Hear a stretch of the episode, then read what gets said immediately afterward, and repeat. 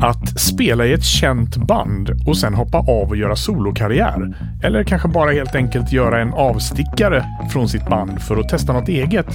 Det kan ju verkligen vara en enorm utmaning. Ibland funkar det och ibland inte.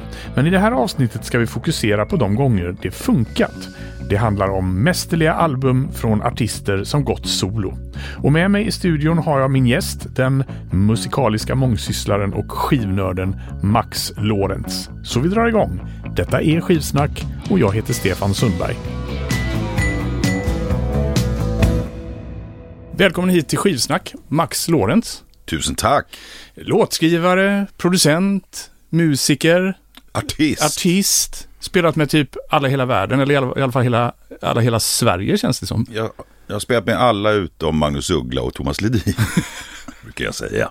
okay. Kanske inte stämmer. Men eh, du är ju också en hardcore skivfantast. Ja, Och det är ju därför du är här. Hur, hur, när föddes ditt intresse för skivor och musik? jag har som tur att jag har en storebror som är åtta år äldre. Så att jag fick, jag, jag är född 1962. Och eh, min brorsa 54. Så jag fick med mig liksom all den här bra 60-talsmusiken redan när jag var liten plutt. Mm. Schlafs Jo Yeah Yeah kunde jag sjunga. Min favorit när jag var så här, fyra, fem år det var Alex is the man med Olander Janglers. Mhm, Och Det tyckte alla vuxna var så roligt att det, det lilla barnet kunde sjunga Alex is the man. Inte så mörkt. Alex is the man. Mm. Så, men jag fick mycket eh, musik och, och tillgång till skivor genom honom. Jag knyckte väl en del plattor av honom. Mhm. Jag, jag minns när, när han gick till plugget, då kanske jag var sex, alltså när- innan jag hade börjat plugget. och jag var hemma då så sa han till mig, eh, du får inte spela mina skivor på grammofonen, är det förstått? Ja, ja, ja, ja. Och så gick han och då plockade jag fram hans Oländiga Englers skiva. Och jag fick inte spela den på grammofonen så jag la den på bordet så hämtade jag en skruvmejsel. Nej. Och, och så förde jag den runt, runt så här. Och så sjöng jag till. Al- Alex is the man. Han, blir skit, han är fortfarande skitarg för det. Jag Ja. jag har hittat ett, ett mint ex utav den skivan till honom. Så Ja, nu Så, har jag så blivit- du, du har gjort rätt för det i alla Jag fall. tycker det, jag Ja, men härligt. Ja. Du, vi ska ju prata om eh, fantastiska eh, album med artister som har gått solo Ja, idag. Och det ska bli väldigt spännande. Jag har valt några skivor och du har valt några skivor så ska vi eh, prata om dem om en liten stund. Först ska du få fem obligatoriska snabbfrågor av mig. Mm. Första skivan för egna pengar. Let it be med Beatles i den här boxen med en bok. Mhm. Boken och boxen är... Boken har jag kvar, den är tusen delar och boxen är borta. Men Okej. Eh, hur många besök i en skivbutik i veckan? All, alldeles för sällan, men jag åker gärna ner till Pet Sounds eller Hot Records i Solna. Om jag kan. Den skiva du lyssnat på mest i ditt liv? Alltså du förstår, jag är, jag är så nördig. Jag har slutat med det nu, men, men väldigt länge. Så skrev jag upp varenda platta jag lyssnade på. Så här, du vet, eh, Beatles Let it be och så ett streck sådär. Så. Okej.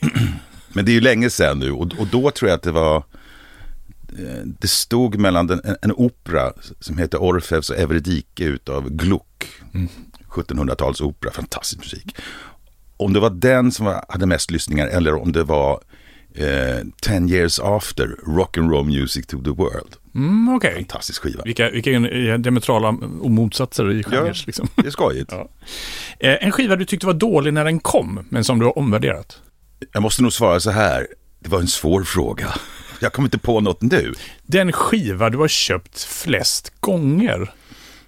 Ja, i och med att jag är eh, lar, larvigt Bowie-fanatisk och samlar på Bowie-skivor och har en av de största, framförallt singelsamlingarna i, i Europa. Jag har, jag har inte räknat på länge, men jag tror att jag har 1700, 1700 olika eh, singlar med David Bowie. Är alltså olika sant? pressningar. Vi Ja. pratar om Jugoslavien och Angola och, och Norge. Mm, så det, det är väl någon Bowie-skiva då kanske. Alltså jag har ganska många Hunky Dory. Men om man, om man tar bort honom för en stund så, så märkte jag att jag har en jävla massa ex utav Black Sabbaths första skiva. Jaha. Men det är ju ett mästerverk å andra sidan. Ja, ja, den kan man inte ha för många av. Sista frågan tror jag nu kanske egentligen har svarat på. Den artist eller det band du har köpt flest skivor med genom åren? Det är ju Bowie. David Bowie. Men, men sen när jag... Jag har kommit så långt nu i, min, i mitt Bowie-samlande så att de plattor som jag inte har, de kostar 25 000 kronor och uppåt. Så det är inte aktuellt att jag fortsätter med det och då, det är inte så kul längre.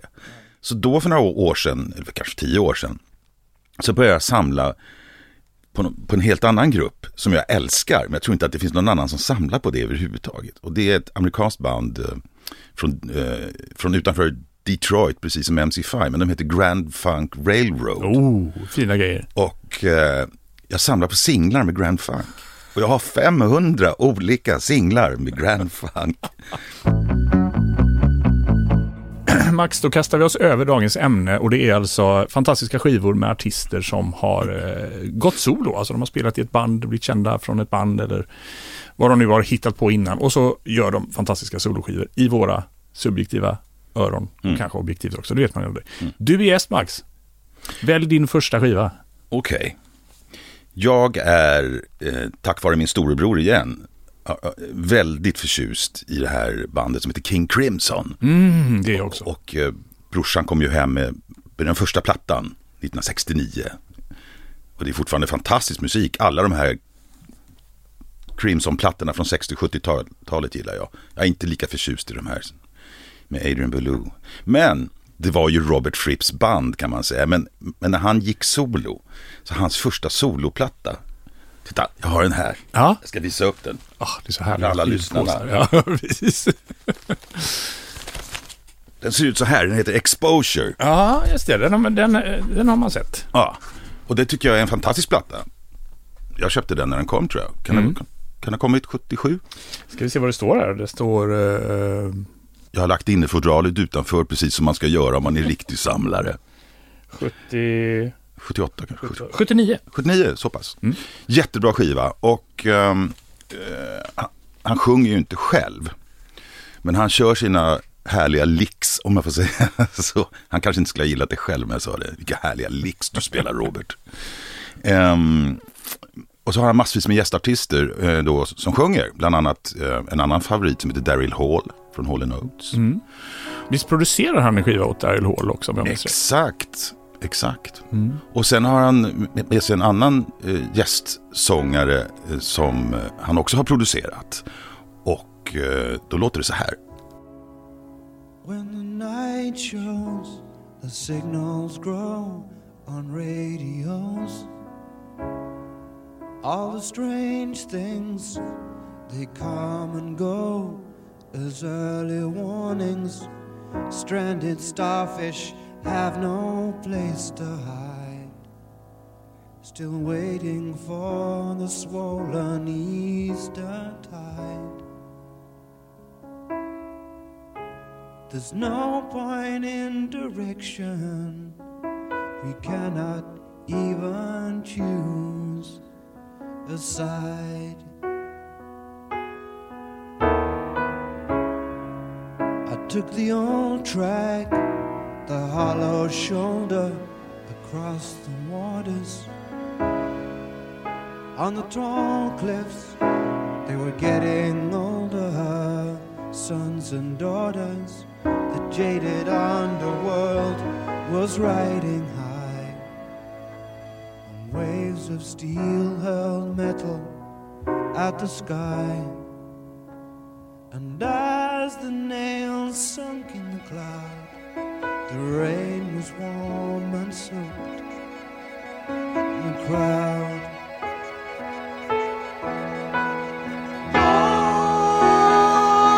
Lord, here comes the flood. We'll say goodbye to flesh and blood. If again the seas are silent in any still alive, it'll be those who gave their island to survive. Drink up, dreamers, you're running dry. Here comes the flood med Robert Fripp. Med då, antar jag då, Peter Gabriel på sång. Ja, jag tror du skulle säga Per Gessle på sång. Ja, alltså eh, Peter Gabriel och Robert Fripp var ju kompisar. Pe- Peter Gabriel hade ett eget band innan. Kanske inte lyssnarna kände till. Genesis. Vi kanske återkommer till det sen. Man vet aldrig. Ehm, och Robert producerade ju en, en platta ehm, med Peter Gabriel. Om det var Peter Gabriel 1, 2, eller 3 eller 4. Jag kommer inte jag ihåg. Kommer du ihåg det? Mm, det jag tror att det är den första och Ja. andra kanske. Och där ligger ju den här låten med, fast ork- orkestralt med band. Mm. Det tycker jag är fullständigt ointressant. Jag tycker att de förstör låten. Men det här tycker jag är så fint. Vilken låt och vilken sångare. Mm. Nej men fantastiskt. När du sa det, det var lite gåshud här under. Ja, jag visade upp det. Håren ställde sig på ända. Ja. Jag är inte så intresserad av Peter Gabriel. Han, jag är ingen fantast utav... Eh, vågar man säga att jag gillar det sena Genesis bättre? Det får man. Förlåt. Det är lite roligt, jag har en diskussion med en kompis om det där som älskar sena Genesis och jag älskar Peter Gabriel Genesis. Vi är Mm. alltid oense om det. Så att, men i den här podden får man säga precis vad man vill. Peter Gabriel eh, har, tycker jag, en egen sorts harmonik. Och, och, och, och man kan känna igen det på en gång när man hör det. Mm. Det är inte min harmonik bara. Nej. Jag är inte så förtjust i det. Men alltså, då tänker jag så här, då, då går vi osökt över på mitt första val. Ska jag se om jag hittar den här? Nej! Och det är Peter Gabriel. Eh, hans eh, fjärde platta, de fyra skivorna hette ju ingenting, de heter ju bara Peter Gabriel. Men sen, sen I har de- Amerika hette de något, tror jag. Ja, de har, jag tror den hette Security. Mm. Eh, hysteriskt fult omslag, men... Eh, Allt. Och, och det är ju den fjärde plattan. Och jag älskar Peter Du Gabriel. härmar mig nu. Eh, och jag är, ju en stor fan av eh, Peter Gabriel, Genesis, alltså han, Peter Gabriel-eran. Mm. Men jag är- tycker det är så oerhört fascinerande hur en person kan gå från ett band och, och så tydligt skaffa sig en egen musikalisk identitet. Ja. Okej, om man lyssnar på första Peter Gabriel-plattan så finns det kanske lite sådär, men sen har han ju blivit något helt annat på något sätt. Och det, och, Ja, det är inte progressive direkt, kan man inte säga. Nej, det är ju inte det. Och det är... Det finns en, en, en personlighet och en, och en integritet i Peter Gabriel som jag, som jag, till denna dag, han ger ju fortfarande ut musik som är Mm. helt fantastisk. Sen är det klart att han har gjort några klavertramp Mm. genom åren också, men jag är väldigt svag för Peter Gabriel och den här fjärde plattan tycker jag är hans absolut bästa. Vad kul. Vad, vad är det för hit från den då? Ja, alltså vi har ju Shock the Monkey Ja, just det. Ja, men den gillar jag faktiskt. och sen har vi eh, Vem Rhythm, har- Rhythm of the Heat, det är ingen hit kanske, men, men en fantastisk Vem har producerat den där skivan då? Produced by David Lord and Peter Gabriel. Jag- David Lord, vet inte vem det är. Nej, jag kan inte heller Är liksom. han brorsa till John Lord eller? Who knows. Men jag... ehm, Kul, vad spännande. Jag, jag har hört Shock the Mon- Mon- Monkey för inte så länge sedan. Och det tyckte jag var faktiskt bra. Jag blev förvånad. Vad ska du spela då? jag spelar inledningslåten Rhythm of the Heat. Ah, kul. Som är en av de så här bästa introlåtarna som jag... Fast du vet att du är en härmapa nu va? Ja, det gör jag. Looking out the window, I see the red dust clear. High up on the red rock stands the shadow with the spear.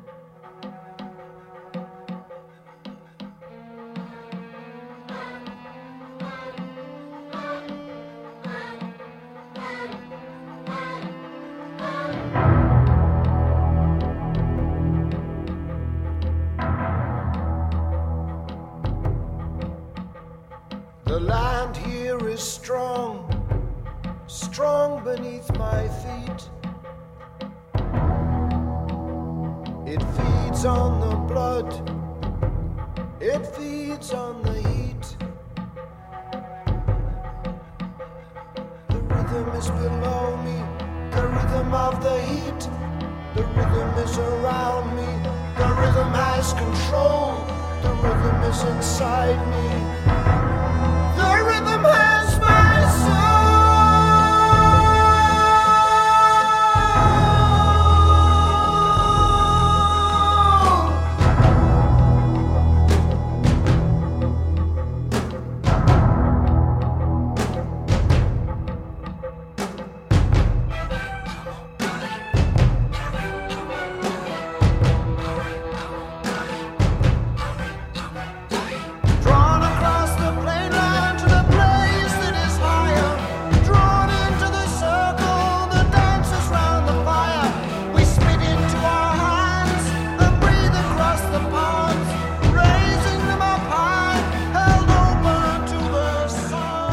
Rhythm of the Heat med Peter Gabriel. Ett fantastiskt inledningsspår från hans fjärde skiva. Från, jag glömde också kolla årtalet, 82. 80-talet ja. Och det var Phil Collins-trummor, hörde du det? Ja. När kom eh, In the Air Tonight? 81 va? Om Ha. jag minns rätt. Ja, han har snott det. Han har snott från Phil Collins, vad roligt. Ja, men det här var ju, det här, han har fin röst alltså. Ja, det har Men det är fortfarande det här som jag, som jag nämnde förut kanske, att det här med harmoniken. Och det är det, det, det jag har svårt med för med, med tidiga Genesis. Att det är lite så här lite, precis som ditt, eh, har jag fått reda på, ditt favoritband eh, Jethro Tull. Det är så här lite engelsk medeltidsmusik. Ja, Fuck that! Robin Hood-musik. Man blir så här, åh, ta bort det här, ta in Eminem istället. Nej, det är ju fina grejer. Alltså, det, jag är så avundsjuk på dig Max som har liksom en hel Jethro Tull-diskografi att upptäcka. Ja, mm, vi får se. Men det här var bra. Eh, eh, Mm. Det var ju häftig produktion, så jag vet inte hur bra låten var. Min låt med Peter Gabriel var fan bättre tycker jag. Alltså. Ja, den var faktiskt bra. Jag har inte hört den där Mm. Har du inte det? versionen, så Nej. det var kul. Den ska jag checka upp. Vad har du mer eh, för val? Vad är ditt val nummer två? Jo, vi pratade inledningsvis om, om ett band jag samlar på som heter Grand Funk Railroad. Just det. Som kommer från Flint, Michigan. Inte så långt utanför Detroit. Och jag fastnade för dem redan när jag var liten. Och den här fantastiska sångaren som heter Mark Farner. Alltså, eh, de tidiga skivorna är ju, det är ju hårdrock. Det är ju, men de, i och med att de kom från Detroit så, så, var de, så hade de den här soul i, i det. Och han sjunger så jävla souligt. Han är ju vit som, som, vit som Snö. Snö, tack. Men eh, jag tycker att han, han sjunger med, med svart inlevelse om man kan nu etikettera det så. Och de hade sin hårdrocksperiod som jag älskar. Det är så... Och sen så blev, eh, kom eh, Todd Rundgren in och producerade dem och, och de fick en världshit med en låt som heter We're an American Band. Det är fortfarande bra, det är inte lika in- intressant tycker jag. Och sen deras sista platta på 70-talet producerades av min favorit Frank Zappa. Så jag menar. Men sen så, så blev det soloskivor för, för Mark Farner. Och jag älskar hans röst. Ehm, det, var bara, det var bara det att han hade ju blivit kristen. Jag, alltså nu när jag lyssnar på, på 70-talsskivorna med Grand Funk så hör jag så här. Men han kanske var krist, kristen redan då. Men eh, plattan han gjorde på 80-talet då. Så är, är han djupt kristen och han, han spelar in för ett, ett kristet eh, skivbolag. Och eh, den här plattan heter Just Another Injustice. Jag tror att den kom 80, mitten 86 kanske. Och eh, det är låttitlar som eh, eh, Come to Jesus och sånt. Ja, okej. Och eh, i rak motsats till den här hårdrocken med Grand Funk så är det här så middle of the road. AOR, sliskigt och kristet och jag älskar det. Ja, det gör det. Alltså, för att det, det, kändes som att du lika gärna skulle komma till och det är så fruktansvärt dåligt. Men du älskar det alltså? Ja. Men jag gillar Carola också. och eh, eh, här är då en låt, en ballad. s- Som handlar om när han, han, den gången han mötte Jesus. Mhm. Okej. Och den heter Isn't it amazing what a prayer can do. Rain, rain, won't you please go away? Save all your gray skies for another day. I've had my share of all your trials and tears. Now I found someone disappear. Suddenly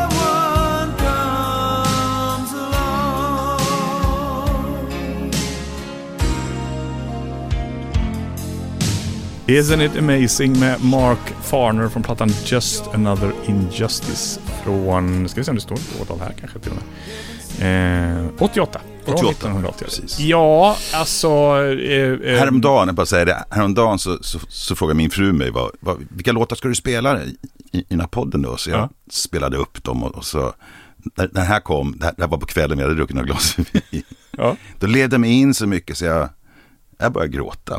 När han går, ja, det är fantastiskt. Alltså, mitt första intryck är så här, det här skulle kunna vara en melodifestivalballad från just 1988. Den, den är ju så otroligt be, liksom byggd efter de här for, formatmallarna som en melodifestivallåt har. Ja, ja, s- jag älskar ju AOR. Mhm, det gör gör inte jag. jag däremot, konstigt nog. Men, det, men jag vet inte, jag kanske behöver ge det här några gånger. För det, Jag det, tror det. Ja, Du måste tänka bort det här med Melodifestivalen. Ja. Du, du, får liksom lägga bort de tankarna. Bara lys, lyssna med öppet hjärta. Ja, men det, det- det här skulle kunna vara en sån här, du vet, guilty pleasure-låt. Och det är det väl. Ja. Och det är väl bergs ingen som lyssnar på den här podden som kommer säga så här, bra Max, bra val. Alla kommer säga, vad fan är det här? Jag vill tillägga att jag själv är inte troende och inte religiös och inte kristen eller någonting annat heller. Nej. Men det finns någonting med den här dedikationen som, Ja. som kristna, det kanske inte gäller bara kristna, kanske judiska sångare också, jag vet inte. Men Men det, de, fin- alltså det finns ju några sådana här låtar som slår an en sträng som är, jag har ju en sån låt i Enrique Iglesias och Hero. ah, Som är, är min så här motsvarande så här, jag bara, jag bara vet du vad jag talar om. jag, vet- så jag vet vad du talar om. Och det är väl så, i och med att jag har lyssnat på Mark Farner sen första Grand Funk-plattan kom, Så, så har jag följt honom hela tiden i alla olika grejer han har gjort.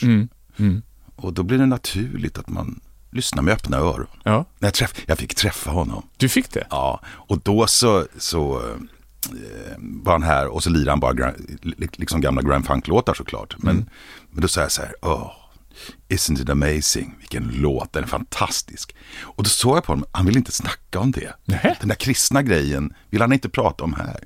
Och, och sen var han uppe halva natten och drack pilsner med oss. Jävla gubbe. Ja. Jag ska däremot byta genre och eh, tidsepok helt och hållet. Eh, Vi hoppar till år 2000. Och Rob Halford, mer känd som sångare i Judas Priest, vilket han inte var här. Han hoppade ju av Judas Priest i början av 90-talet. Eh, och För att? eh, för att han kom... Eh, ja, alltså det finns ju många versioner på det där, men han tröttnade på bandet och enligt honom så, så ville han ha en paus. Men så missuppfattades det här av management och, och de trodde att han ville hoppa av och så spreds ryktet att han skulle hoppa av. Och då fick han liksom tunghäfta. Han, han, han förnekade, eller det bara liksom blev så. Sen vet inte jag, det är ju hans... eh, Vem tog över då? Eh, då tog en man, eller en kille som heter eh, Ripper Owens över. Han, han plockades från en sån där tributeband, Judas Priest Ah. tributeband. Så han hade ju liksom så här klonröst. Var han döpt till Ripper tror jag? Han heter Tim. Tim. Ja. Men eh, Rob Halford han eh, startade ju sin eh, en solokarriär, eller han började, han startade med ett band som heter Fight först. Och eh, de var väl lite sisådär, det var mycket rotat i den tidens eh, li- lite mer hårdare eh, första halvan av 90-talet eh, som, som hade kommit med Pantera och alla de här banden. Sen startade han ett band som heter Two, det var han tillsammans med gitarristen John Five. Och då var det så här industrimetal. Ah, ja, just det. Men grejen med Rob Halford var att han var ju hemligt gay i många år. Mm. Eh, han vågade inte komma ut, för han tänkte att jag, jag menar, han var ju verksam i den mest macho av Mm. alla musikgenrer, så kommer jag ut som gay så, så kommer det vara döden för mig och min karriär. Men eh, det var ju då under, under en, en MTV-intervju, tror jag, 98, Mm. där han bara blup, råkar säga i intervjun, eller han bara så här, det var inget planerat, utan han säger bara, ja, jag är gay. Mm. Så att det var ju, det var ju värsta så här, eh, MTV-producenten. Det var det bästa han hade gjort säkert. Ja. Både för sig själv och för sin karriär tror jag. Det tror jag också, för att han bemöttes ju snarare av väldigt, väldigt mycket respekt. Ja. Så. Och kärlek. Och kärlek. Sen fanns det säkert en och annan som tyckte att, äh, någon, någon liksom bakåtsträvare, men, men då, den första plattan han släpper efter han har kommit ut, det är den här skivan då, Resurrection från 2000, för då bildar han ett nytt band som han helt enkelt döper till Halford, för enkelhetens skull. Och det här är en helt fenomenal skiva. Det är som att så här, han har, han har blivit av med all ångest, all press, allting han har hållit, inne i och så bara han Dels ska han tillbaka till det han kan bäst, så här klassisk heavy metal. Men också texterna handlar ju mycket om det här med att, vad han har hållit hemligt, all ångest han har burit på. Så att det, det är sån uppdämd energi i det här som gör den här skivan helt fantastisk tycker jag. Den är, det är, och jag tänkte vi ska lyssna på första eh, låten här, titellåten Resurrection. Mm. Ska du få höra? Ja. I'm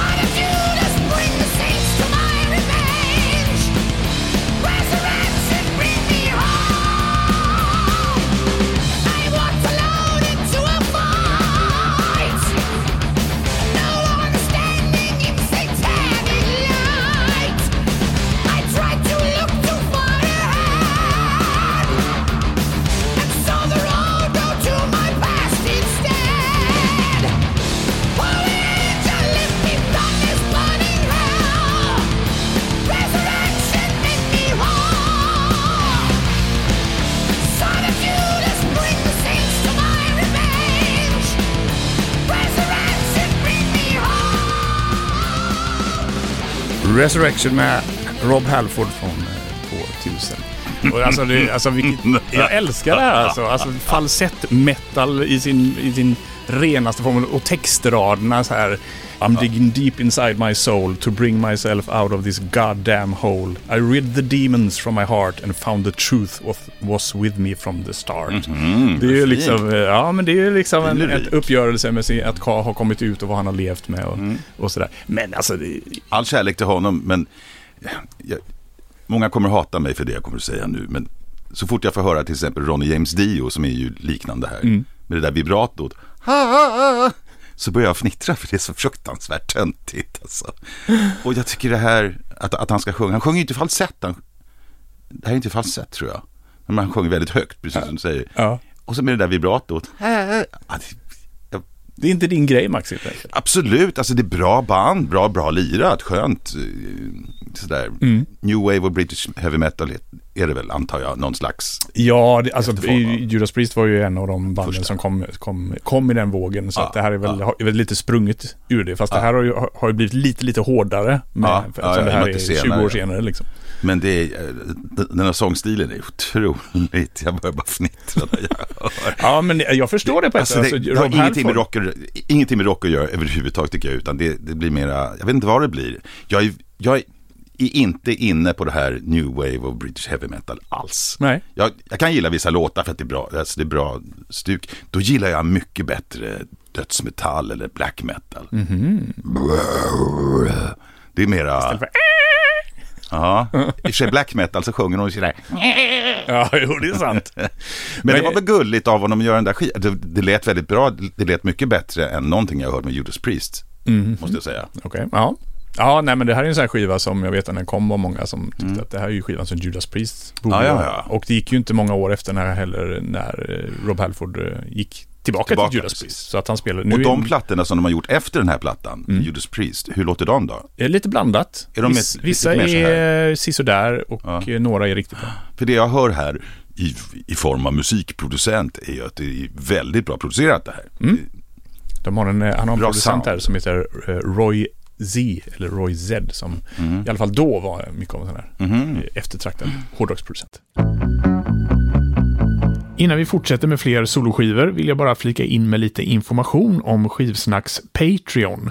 Vill du att Skivsnack ska fortsätta och hjälpa till att stötta podden så kan du bli Patreon. Skivsnack kostar trots allt en del pengar att producera och den är helt ideell. Så som Patreon kan du som sagt stötta podden och det med en liten slant varje månad. Då har du också tillgång till exklusivt bonusmaterial som bara finns för dig som Patreon. Bland annat finns det 15 extra minuter med mig och Max där vi väljer ytterligare fantastiska soloalbum. Så gå in på patreon.com, sök skivsnack och var med och stötta podden. Tack! Jag är ju, alltså jag, jag är ju gammal punkare. Det var där jag hittade min eh, egen musik kan man säga. Och det var där jag började spela. Så redan 1977 eh, så bildade jag mitt första punkband. Och det var då jag, jag var gitarrist då och, och sångare. Och då, vi hette Silver Erection. Såklart ni gjorde. Och ehm, vi gjorde inga plattor, men, men vi lirade en hel del på ungdomsgårdar som vi gjorde då. Och sen lite senare så kom jag med i det här lite större, lite mer kända punkbandet som heter Bitch Boys. Som ju gjorde ett par plattor. Ehm, eller LP-skivor. Ehm, så, så punken är viktig för mig. Och bland de största var ju naturligtvis, alltså de, de första var ju Ramones, Clash och Sex Pistols. Och The Sex Pistols, vet du, det är så Johnny Rotten är ju fantastisk. Och jag har ju följt hans solokarriär. Han har ju ett, eh, ett, ett band kan man säga som heter Public Image Limited. Eller PIL. Men det är ju han. Och de har precis släppt en ny skiva. Ja, och de ska komma hit och spela. Jajamän, jag köpte biljetter så här fort. Och öppningsspåret på den här plattan är bland det bästa han någonsin har gjort. Det är tre minuters fucking jävla underbar musik. Och det är en hyllning, jag vet inte om det är en hyllning riktigt, riktigt men det finns en, en förort till London som är en sån här uh, liten förort som man aldrig nämner. Man bara åker igenom den när man ska någon annanstans. Som heter Penge. Och den här låten är med på, på, på nya Pill-plattan. Den heter Penge. That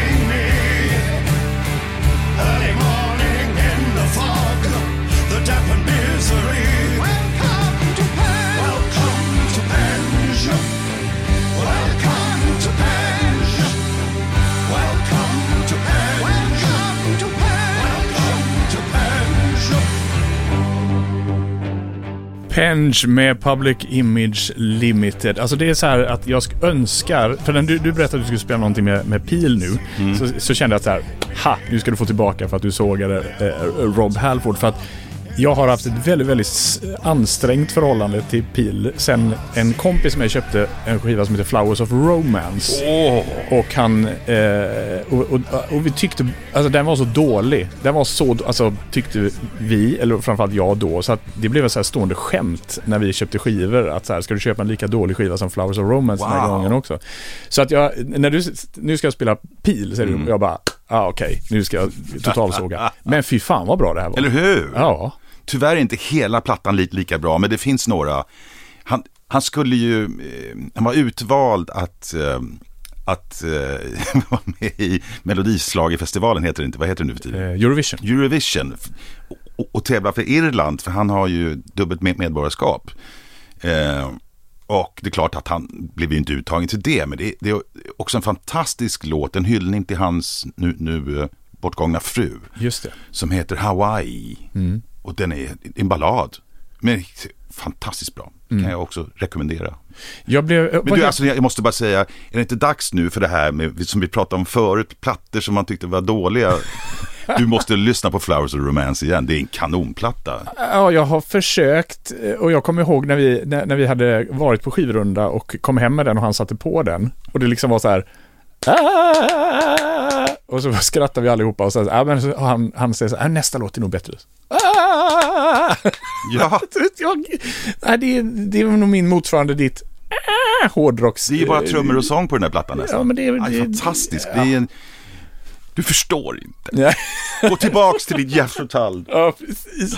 Men, Nej, men, vad, vad, eh, vad heter skivan förresten, den här nya skivan? End of World. Från i år, alltså den Ja. kom nyss. Den kom alldeles nyss. Mm. Pench kom för några månader sedan och då det är den mest lyssnade låten i år för mig. Ja, men det är bra. Alltså, det, men det är det jag blev lite förvånad över att från att ha det här rytmiska trummor, gap, pil till det här som är ju ändå lite mer traditionell rock Mm. Ja, faktiskt. Men, men väldigt, väldigt bra. Ja. Och han sjunger ju på ett helt annat sätt än Med man är van vid. ja. ja. ja. Jag delar Spotify med min, med min son.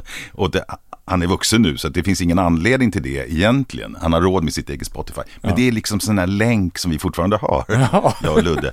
Och eh, det betyder ju att de här, eh, man får se dina mest spelade låtar.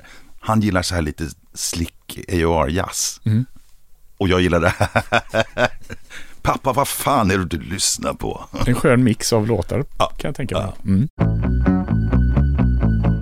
Mavis Staples. Mm. Eh, jag är väldigt, väldigt svag för soul. Mhm. Jag är är väldigt, väldigt svag för The Staple Singers. Mm. Eh, eh, gruppen då som Mavis Staples ingick i tillsammans med sina systrar och eh, Pops Staples som var hennes pappa tror jag va? Jag, Ja, jag, har ja. inte, jag har inte hundra koll på alla de här. Eh, och de gjorde ju ett, en gäng fantastiska skivor. Mavis Staples gick solo och eh, jag har väl inte riktigt så fastnat för hennes grejer solo fram tills eh, egentligen för några, ja kanske 15 år sedan när hon hon började liksom samarbeta lite med, med modernare musiker, modernare producenter och som... Prince till exempel. Ja, och i, i det här fallet då One True Vine som den här skivan heter som jag tycker är hennes bästa skiva. Mhm. Eh, där producerade Jeff Tweedy som är eh, förgrund, eh, förgrundsskriv i Wilco heter hon. Wilco, precis. Och, eh, och hon har gjort jättemycket sådana här spännande samarbeten som eh, många gånger kan det bli jättedåligt när man tar en äldre artist och kombinerar med en nyare Mm. producent för att någonstans försvinner identiteten och det som är specifikt för. Mm. Men de producenter hon har jobbat med har hela tiden liksom ramat in henne med exakt det hon behöver. Och, och den här skivan är helt, helt suverän. Och jag älskar Mavis Staples röst nu som, som äldre kvinna. För den är mer så här, den är lite mörkare, det blir mer så här, Mm, dig. en, en känsla av att hon har levt. Det här är en kvinna som liksom verkligen Lite rasp har. Ja, precis. Eh, och jag har varit sett henne live också. Det var helt, wow. helt fantastiskt. Jag har hört något spår ifrån den där och tyckte det var jättebra vill jag minnas. Mm. Men, men det är ett tag sedan den kom. Ja, det är tio år sedan. Den är från 2013. Så jag tänker Ja. vi lyssnar på eh, Kul. en, en låt som heter ehm, Every Step. every step of the way. I found grace if I lead or follow. Change my pace. I get tired. Mm-hmm. lose my way. My Lord, He knows me every step of the way.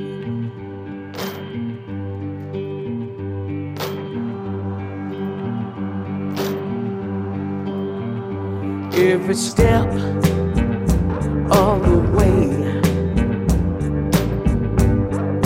I found grace lead or follow.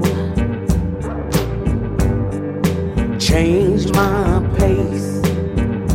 I get tired,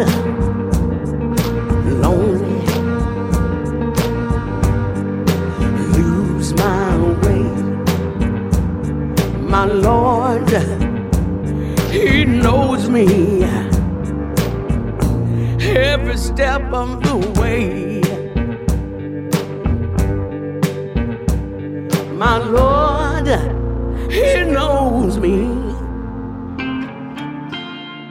Every Step, Maybe Staples från plattan One True Vine. Det här tycker jag är så fruktansvärt bra. Ja, det är fint. Det är fint. Det är så sparsmakat men i sin sparsmakhet är det så otroligt fläskigt ändå.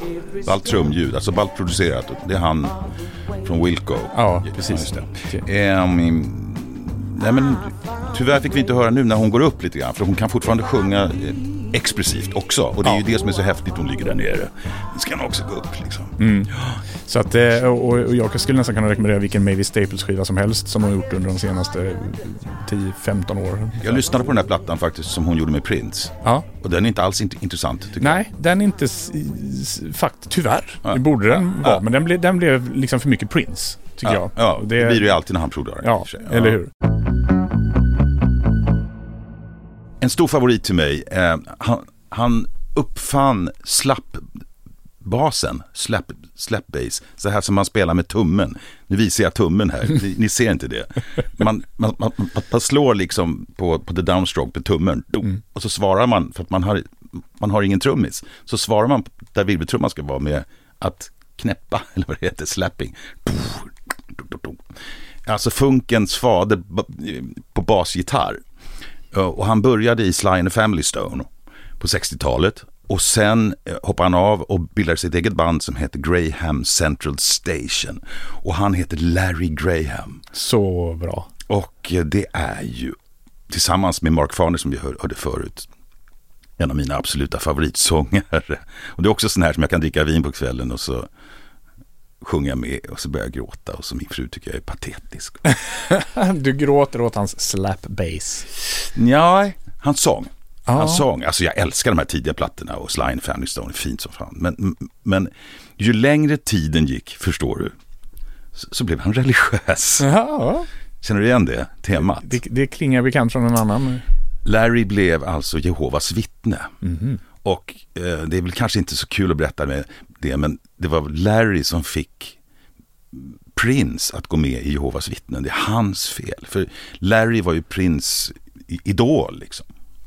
Nåväl, efter de här funkskivorna som han gjorde med Graham Center Station, som är superbra tycker jag, älskar dem. Så gick han in i en annan fas, precis som Mark Farner tidigare, som smörsångare. Da-da! Oj, oj, oj. Nu håller du upp ett, ett omslag här med, med Larry Graham i någon lila kostym, eh, lila, Lila slips, slips. och, Ja. och en näsduk i fickan. Han ser, han ser mer ut som Han ler Julio- lite grann här, med, med sitt vita leende. och Det är ett han, väldigt sånt där eh, inställsamt, smörigt leende. Det är mer Julio Iglesias än eh, Graham Central Station. Ja, exakt. Och det här, den här perioden av hans karriär fick han otrolig framgång med. Och det här var den första plattan i den eh, serien utav plattor han gjorde riktigt. Alltså nu är det så smörigt så att, eh, ja, ni får förlåta mig det. eh, den här plattan heter Just Be My Lady. Jag tror att den kom 1982. Och eh, alltså, jag kan tänka mig varför brudarna köpte den här plattan. För det är så, Ja, men det där eh, sänkar man blicken så. Mm, så jag tänkte vi skulle lyssna på titelspåret Just Be My Lady. Just be my lady. And everything will be alright. Just be my lady. I love you every day and night. Just be my lady. I promise you that everything will be alright.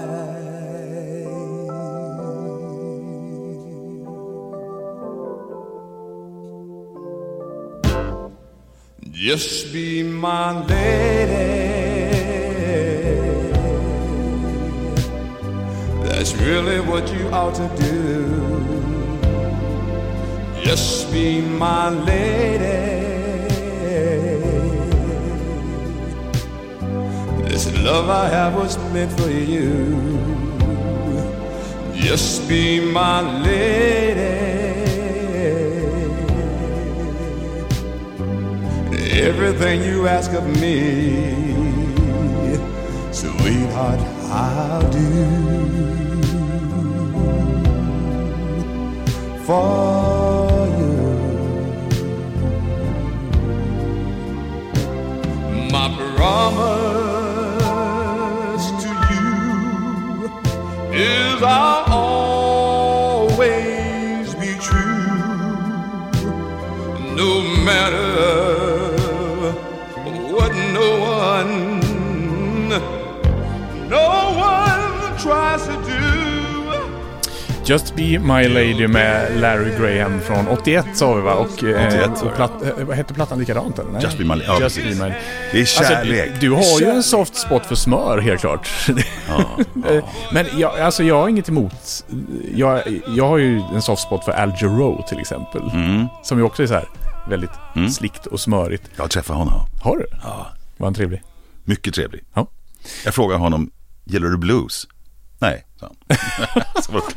End of discussion. Ja. Nej men alltså... Det, Larrys det, röst, alltså det är, jag, jag, jag går helt i mål på det. Han Ja. plockar upp den. Ju- Just be my... Ja. Och så hör man hans fina bas där också. Mm. Faktiskt. Ja. Men är, är det liksom lika smörigt i hela skivan? Ja, Ja. hela plattan. Och plattan efter, och plattan efter det, och plattan efter det. För det här är ju första låten på skivan och sen Ja. liksom inleder med Ja. smör och sen Det här är upptempolåten. Ja. Nej men alltså jag, jag kan gå igång på sånt här. Det, Ja. det absolut. Ja. Så det, alltså det ska ju, det- smör, om man nu använder det som lite så här, kanske nedvärderande genre, ska ju också kunna göras bra. Ja, ja, ja, ja. ja. Det finns bra smör och dåligt smör. ja. Mm. Det finns bra punk och då... Nej, det finns ing, ingen dålig punk. Men jag menar, folk kanske känner mig som, som eh, ja, han är rockare eller han är punkare. Mm. Och, men jag gillar sånt här också. Ja. Ja. Från Larry Grahams smöriga period ska vi gå över till Alice Coopers neddrogade period. Ah, just det. Och då kan ju vän av ordning fråga, men varför är Alice Cooper en, en eh, soloartist? Jo, för att bandet, eller, Alice Cooper var ju ett band från början. Och sen eh, 75 så bröt sig, eller de imploderade och så gick Alice Cooper solo, fast han hette ju fortfarande då Alice Cooper. Så det var ju kanske lite, lite förvirrande. Och Alice Cooper eh, gjorde ju, hade ju en succé med Welcome to my nightmare och några plattor där i, i mitten av eh, 70-talet. Men sen så... Får jag komma in där? Ja, absolut. Jag var där på konserten.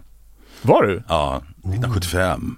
Det var bra. Ja, jag jag har fortfarande ett, ett, ett brännmärke från en cigarett här. För det var, det var en tjej i min ålder. Vi slogs om, om att stå längst fram. Jaha, Och hon, hon vann. ja, hon brände mig. och jag, och jag, visade det för Alice Cooper när jag intervjuade honom. Ja. Han tyckte det var jätteroligt. Du har verkligen ett märke från som, som eh, påminner om Alice Cooper. Ja, varje dag. Men han gick ju ner sig ganska hårt i, i både droger och, och alkohol framförallt tror jag i eh, slutet på 70-talet. Mm. Och, och därmed också den eh, kommersiella framgången. Så eh, när året var 1980 då, då kom ju, mellan 80 och 83 så var ju det här eh, eran med Alice Cooper där han var helt väck. Han säger ju nu i efterhand, han kommer ju inte ens ihåg att han har spelat in de här skivorna. Liksom. Exakt, jag läste det igår faktiskt i, i nya Classic Rock Magazine. Ja. Och han säger precis det. Ja. Jag kommer inte ihåg att jag har, har skrivit de här låtarna eller Nej. spelat in dem. Och, och eh, också rent kommersiellt så var, de, så var det ju eh, stendött. Det var, Ja, alltså, all, han släppte tre eller fyra skivor mellan 80 och 80, Ja. 83 som, ja men du vet, de tog sig inte ens upp på listan. Vad heter den där Reaper Gets a Snail, eller vad heter den? Zipper, Scatch, Zipper Catch- Catches Skin. Ja, just det. Världens vidrigaste album. Eh, t- titel. Titel, ja. Aj. Jag har inte hört de där skivorna, men det, det- ska jag få göra nu tydligen. Ja, och det, det jag hade en ganska stor Alice Cooper-period för något år sedan. Mhm. Där jag utforskade Alice Cooper, det jag inte hade hört för, bland annat den här då blackout-eran som det kallas. Och det är väl lite så här gott och blandat kan man väl säga, men den här första skivan som kom då 80, eh, som heter Flush the Fashion, tycker jag jättemycket om. Och roligt. Ja, den, den är Jag blev oerhört- sugen på att lyssna på de där plattorna när jag läste det där Ja, igår. Så. och det här är ju Roy Thomas Baker som har producerat. Ah. Han, var, han var ju en, en eh, producent i smöret Ja. vid den här tiden och eh, 80 hade ju också hela den här New Wave-vågen exploderat med, med band som The Cars och, och, eh, och så vidare. Så att det här var ju lite grann Alice. Coopers försök att bli lite mer modern och spela lite mer New Wave, vilket inte funkade överhuvudtaget. Och många Alice Cooper-fans tycker ju att det här är en skitplatta till denna dag, för att den, den påminner ju inte direkt om, om det Alice Cooper många säkert vill ha och minst. Men jag gillar den här jättemycket. Jag tycker den, just för att den är så annorlunda och den, den har ett sound som han varken hade innan eller efter det här. Mm, mm. Så jag tänker vi ska lyssna på något som heter Clones. I'm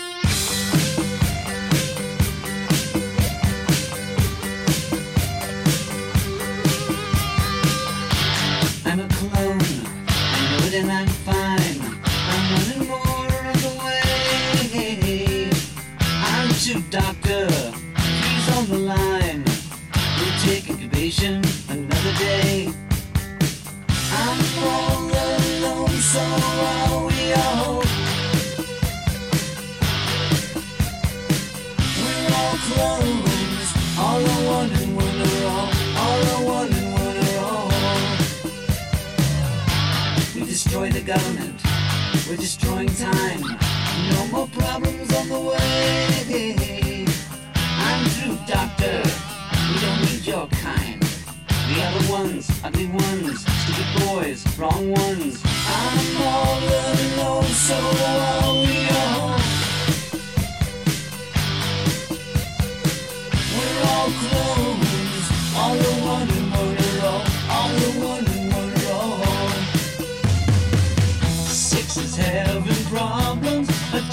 choose clone status.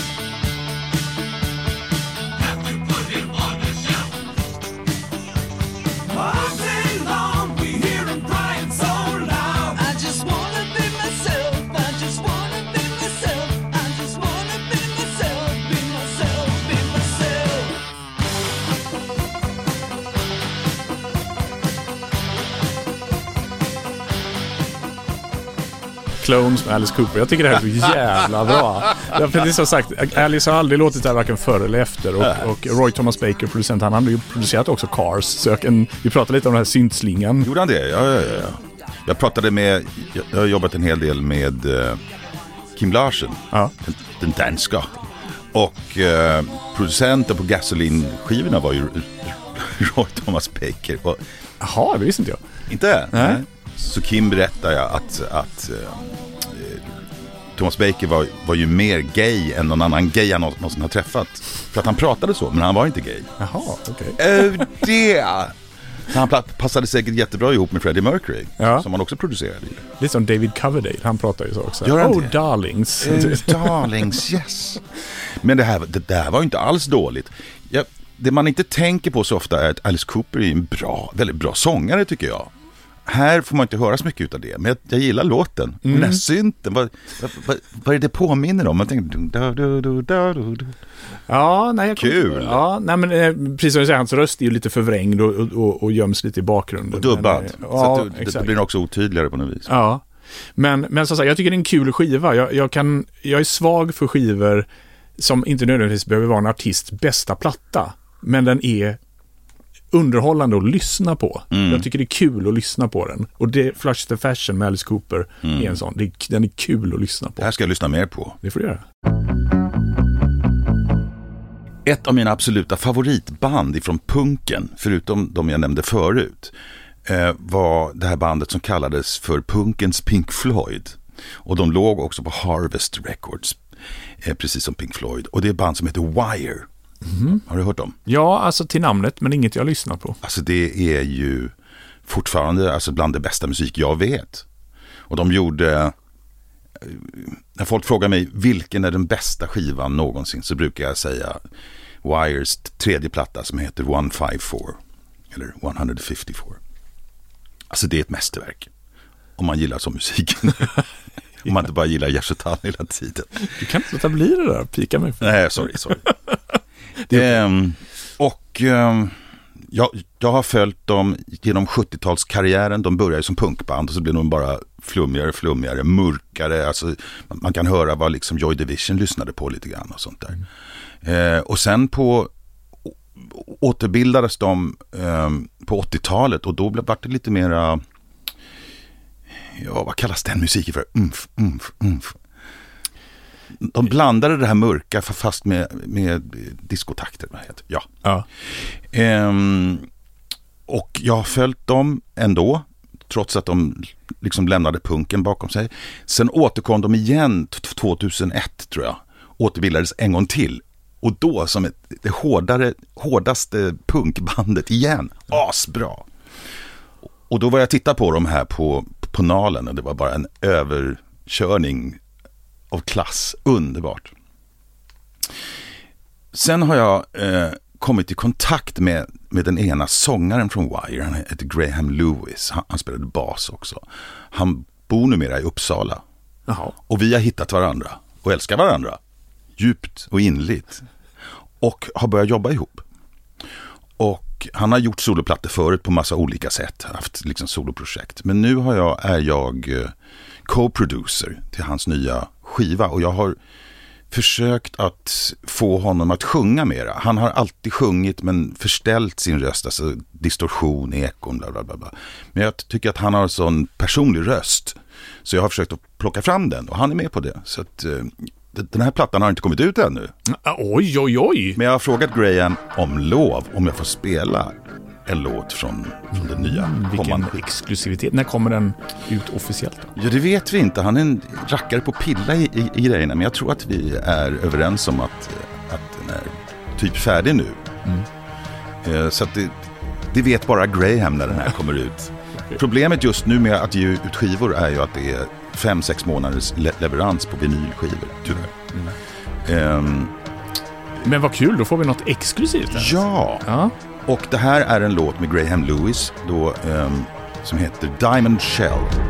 I heard you lost the gift now, lost your faith and sense of smell. I heard you're talking in tongues now, broken hearted with the diamond shell.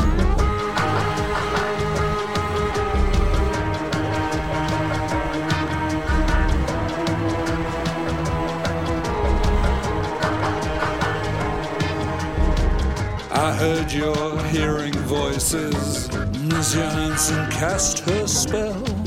It's good you're seeking treatment. For your sake, I hope it goes well.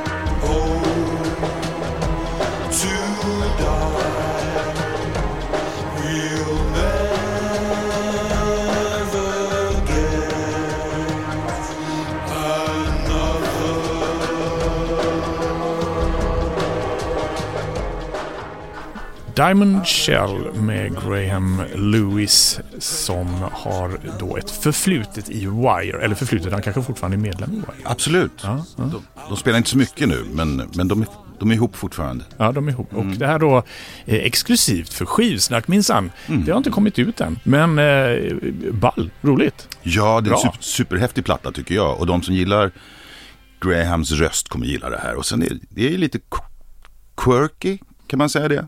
Det är, Ja. inte, det är inte vanlig rockmusik direkt. Nej. Jättekul att jobba med. Alltså. Nej. Fantastisk man.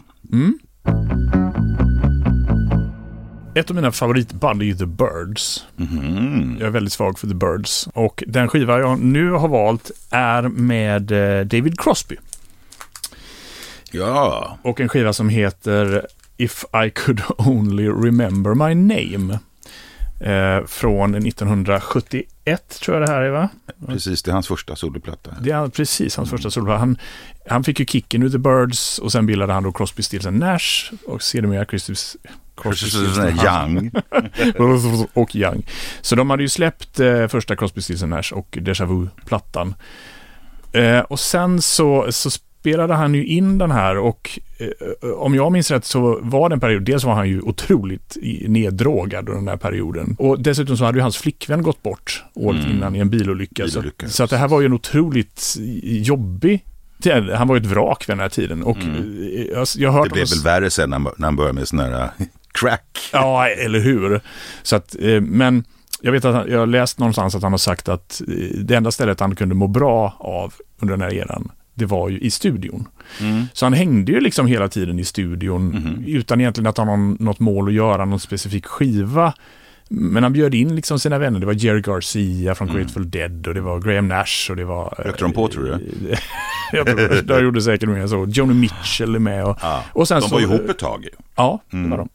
Och sen så latchade de i studion. Liksom de gick in i studion utan egentligen att ha någon större plan. Så var det kanske. Och kom de på något som var bra när de satt och jammade så, så behöll de det och så sen så bearbetade Crosby det med att lägga på stämmer och, och, och grejer. Så det här är en väldigt, väldigt spacad skiva. Men Den- bra, fantastisk skiva. Fantastisk. Liksom Kan man låt, säga så här att, att David Crosby är under, underskattad? det kan man nog säga. Tycker jag nog. Ja, Om du har hört hans senare plattor som han gjorde sent i livet. Är också fantastiskt bra bitvis. ja absolut. Ja. Ja. nej, men han har, eh, men ingenting eh, efter, låter som den här. Nej. Ingenting är ju likt den här skivan. För den, ja, men liksom låt, låtarna de flyter in och ut i varandra och, och, och det är drömskt och det är psykedeliskt. Och, Jättelänge sedan jag hörde det här, det ska bli superkul. Ja, Ja. man måste nästan liksom uppleva den här skivan i, sin helhet för att få hela känslan av den eftersom Är det så? den sagt, hör ihop så. Eller, eller som sagt att musiken flyter Ja, in mina damer och herrar, det här blir en väldigt lång podd. Vi Ja. måste höra den i sin helhet. I thought I met a man who said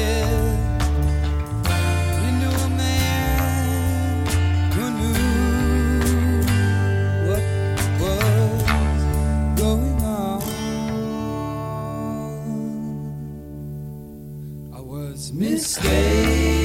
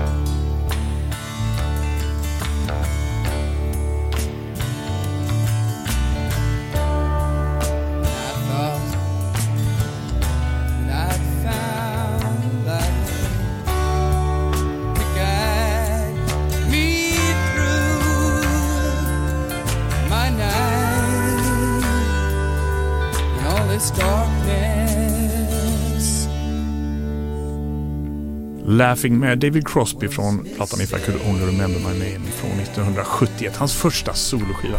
Alltså, Jag har glömt bort hur jävla bra det här är. Visst är det. Och just det här, det här liksom nästan meditativa, det, det drömska, det, det, det är ju inte så- som vers, refräng, stick, refräng. Det var han aldrig riktigt va? Nej, så det, det, så det, det blir ju liksom nästan mer av en, av en meditativ upplevelse än, än, än det är det jag menar att man ska lyssna på den här skivan i sin helhet. Max Lorenz, eh, tack så himla mycket för att du kom hit och besökte Skivsnack. Kul att babbla, Ja, lyssna. och, och eh, tipsat om skivor och eh, sågat skivor och hyllat skivor. och som sagt, vill du stötta Skivsnack så kan du göra det på Patreon.com. Följ också gärna Skivsnack på Instagram, på YouTube och Facebook. Och Spotify-spellista från det här avsnittet och även andra avsnitt hittar du på skivsnack.com. Tack till Taket för hjälp med grafisk form och stort tack också till dig som lyssnar och följer Skivsnack. Jag heter Stefan Sundberg. Vi hörs snart igen.